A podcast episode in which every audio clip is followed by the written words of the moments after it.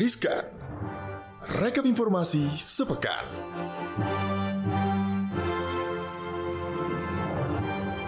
Halo halo sobat cuan semuanya, apa kabar? Ada Iva di sini dan ada siapa? Dan juga ada gue pastinya ada Bramudia Prabowo. Iya, dan kita dalam Riskan rekap informasi sepekan. Nah, dalam sepekan ini pasti ada banyak banget ya kabar-kabar begitu mungkin juga sobat cuan udah denger. Nah, tapi kita akan mulai informasi yang pertama ini dari kabar gembira khususnya buat sobat cuan semua yang ada di portonya nih ya Goto. Mungkin Bram bisa jelasin kira-kira seperti apa sih informasinya? Nah, pas banget nih buat yang pegang ataupun punya porto dari Goto. Ini informasi juga bagus banget buat kalian, informasi yang bisa dikatakan positif karena memang baru satu bulan lebih melantai di Bursa Efek Indonesia, saham PT Goto Gojek Tokopedia Tbk ataupun Goto langsung masuk ke tiga indeks sekaligus mulai 8 Juni 2022. Dalam pengumuman Bursa Efek Indonesia yang dikutip pada Kamis 2 Juni 2022, BI telah melakukan evaluasi fast entry index atau indeks IDX 30 LQ45 dan juga IDX 80. Dan juga nih bagaimana nih hasilnya? Iya, nah ini jadi hasilnya saham Goto masuk ke indeks LQ45 dan IDX 30 ini menggantikan saham PT Waskita Karya, Persero TBK ataupun juga WSKT. Jadi WSKT ini harus terdepak dulu dan digantikan dengan Goto ya. Nah, kemudian saham Goto ini juga masuk ke indeks IDX 80 atau IDX 80 menggantikan saham PT Buyung Putra Sembada atau Hoki. Ya, nggak kalah juga kalau kita lihat gitu ya, Goto juga tercatat memiliki rasio free float sebesar 66,4 persen. Daftar dan juga jumlah saham yang digunakan dalam penghitungan indeks pada indeks-indeks tersebut juga akan efektif berlaku pada tanggal 8 Juni 2022 hingga Juli 2022 nih Eva. Wow, jadi untuk sobat cuan semua yang udah pegang portonya makin cuan dong ya. Karena kalau kita lihat juga pergerakannya lumayan melesat ya di pekan ini untuk Goto gitu ya, kan. Ya bener banget, apalagi kalau kita tahu gitu ya setiap Goto ada kenaikan bisa dilihat dampaknya dan kontribusinya ke IISG juga langsung melesat gitu ya karena Betul. memang market cap-nya tinggi, Pak. Betul, dan masuk ke salah satu market cap terbesar ya di bursa kita. Nah, tapi ada kabar gembiranya juga. Ini nggak cuma dari bursa saham tapi juga dari perekonomian Indonesia secara keseluruhan mungkin ya uh, Bram ya karena kalau kita lihat di sini tampaknya memang perekonomian kita sudah mulai pulih karena pandemi juga sudah mulai uh, berakhir dan bahkan kita bisa lihat di anggaran uh, APBN kita gitu. Karena rupanya untuk uh, anggaran APBN sendiri ini sudah ada tanda-tandanya endemi. Ya, kabar baik lagi nih ya. Dari pandemi jadi endemi yang pasti ada perubahan dari tingkat ataupun uh, COVID-19 Indonesia. Karena memang Kementerian Keuangan melaporkan bahwa belanja kesehatan tahun depan ataupun tahun 2023 telah memperhitungkan bahwa penularan virus corona atau COVID-19 menurun tajam atau hampir nol, Iva. Wow, nah kabar tersebut disampaikan oleh Menteri Keuangan Sri Mulyani Indrawati dalam rapat kerja dengan Badan Anggaran hari Selasa kemarin. Jadi, pagu anggaran kesehatan pada tahun depan ini ditargetkan mencapai 153,8 triliun rupiah hingga 209,9 triliun rupiah. Nah, pagu anggaran tersebut ini lebih rendah kalau kita bandingkan dengan belanja kesehatan selama periode 2020 hingga 2022 yang mengedepankan aspek pandemi COVID-19. Oke, dan juga kalau kita belajatin lagi gitu anggarannya, karena memang pagu anggaran tersebut lebih rendah dibandingkan pagu kesehatan untuk belanja penanganan pandemi COVID-19 yang sebesar 190,6 triliun rupiah pada APBN 2021 dan juga 116,4 triliun rupiah pada APBN 2022. Nah, kendati demikian, pagu anggaran kesehatan tahun depan yang dipatok sebesar 153,8 triliun rupiah hingga 209,9 triliun rupiah dibandingkan dengan belanja kesehatan non pandemi tiga tahun sebelumnya masih lebih besar ini, Pak di mana masing-masing belanja kesehatan non pandemi di tahun 2022 ini hanya sebesar 139 triliun rupiah. Nah, di tahun 2021 ini angkanya lebih kecil karena sebesar 121,8 triliun rupiah. Kemudian di tahun 2020 ini hanya 119,9 triliun rupiah. Yeah. Kemudian, adapun anggaran kesehatan pada 2023 kata Ibu Sri Mulyani Indrawati selaku Menteri Keuangan kita telah memperhitungkan masing-masing atau passing out program PCPEN dan fokus utama untuk mendukung transformasi bidang kesehatan, antara lain penguatan edukasi untuk promotif dan juga preventif, lalu juga peningkatan akses dan mutu Yankes dan juga pembiayaan kesehatan yang berkelanjutan. Kita harapkan bersama memang hal ini juga menjadi hal yang baik begitu ya bagi negara kita karena mungkin untuk dana dari PEN sendiri juga bisa dimaksimalkan nih ke pemulihan ekonomi. Iya betul banget Bram dan kalau kita lihat memang euforianya nih ya ke riaannya bahwa pandemi COVID-19 ini juga udah mulai berakhir tidak hanya terlihat dari anggaran uh, APBN kita saja di tahun depan tapi juga kita bisa lihat mungkin dari euforia masyarakat yang udah mulai pada traveling nih Benar keluar kota. banget. Kalau Bram sendiri gimana? Udah mulai jalan-jalan belum Bram keluar negeri atau keluar kota gitu? Ya pengennya sih gitu ya Iva ya Tapi kalau kita lihat gitu untuk tiketnya juga mengalami lonjakan gitu Iva Dan nggak kayak sebelum pandemi gitu yang murah-murah kita bisa dapat promo Tapi juga aduh, udah lewat Udah ya lewat masa ya promo-promonya ya. karena rupanya sekarang sobat cuan semua yang mungkin udah pengen banget keluar negeri mungkin bisa dilihat-lihat dulu ya untuk harga tiketnya. Karena rupanya harga tiket pesawat keluar negeri ini tengah melonjak drastis. Nah salah satu rute yang paling naiknya signifikan ini adalah rute ke Jakarta Jakarta Singapura yang mengalami lonjakan harga ini cukup melejit Bram Wow, harga tiket pesawat ke luar negeri tengah juga melonjak drastis dapat dikatakan seperti itu karena memang salah satu rute yang paling signifikan adalah rute Jakarta Singapura yang mengalami lonjakan harga cukup banyak begitu Eva. Setidaknya menurut perhitungan untuk perjalanan pulang pergi Jakarta Singapura kini juga bisa mencapai 8 hingga 10 juta rupiah.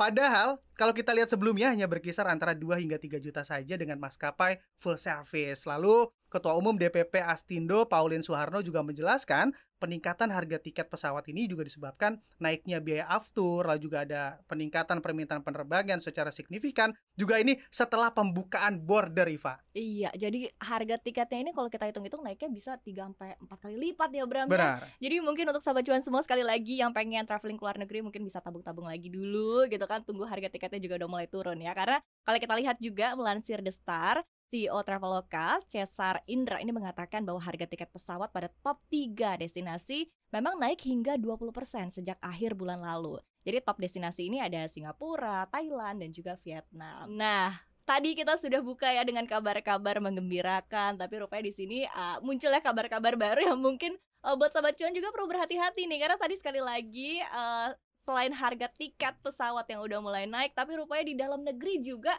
ada yang naik nih Bram dan tentunya ini juga bikin sahabat cuan mungkin agak sedikit ketar-ketir ya. Iya bener banget Naiknya bikin ketar-ketir apa tuh Iva naik apa? Iya jadi kan memang ada rencana nih ya bahwa untuk pertalite sendiri ini uh, mungkin harganya akan dinaikkan. Tapi di satu sisi juga uh, pemerintah tengah menggodok nih aturannya, Bram. Kalau misalnya uh, mungkin tidak dinaikkan, tapi di satu sisi untuk pembelian pertalite ini harus dibatasi. Jadi, pemerintah melalui Badan Pengatur Hilir Minyak dan Gas Bumi atau BPH Migas ini menyatakan bahwa saat ini pihaknya tengah mengoptimalkan fitur layanan digital yang dimiliki oleh PT Pertamina Persero, yakni aplikasi My Pertamina, khususnya dalam pembelian bahan bakar minyak atau BBM jenis subsidi dan penugasan seperti RON 90 atau Pertalite. Jadi, sekali lagi untuk sobat cuan, mungkin kalau mau beli Pertalite harus siap nih aplikasinya My Pertamina. Benar banget. Dan juga hal yang perlu diketahui juga untuk sobat cuan karena memang pemerintah sedang merumuskan revisi peraturan presiden atau Perpres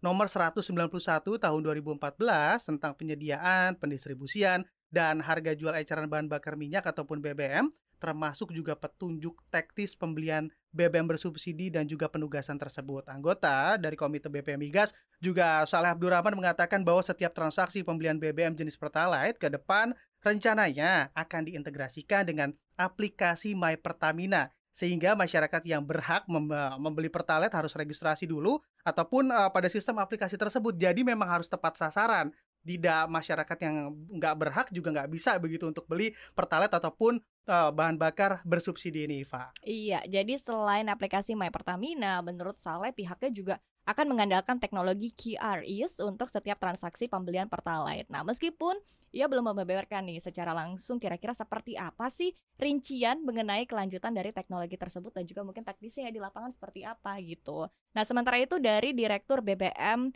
BPH Migas, Patuan Alfons Simanjuntak menambahkan bahwa untuk kriteria yang berhak membeli Pertalite ini sudah ada, bahkan sudah diusulkan ke Kementerian Energi dan Sumber Daya Mineral atau ESDM.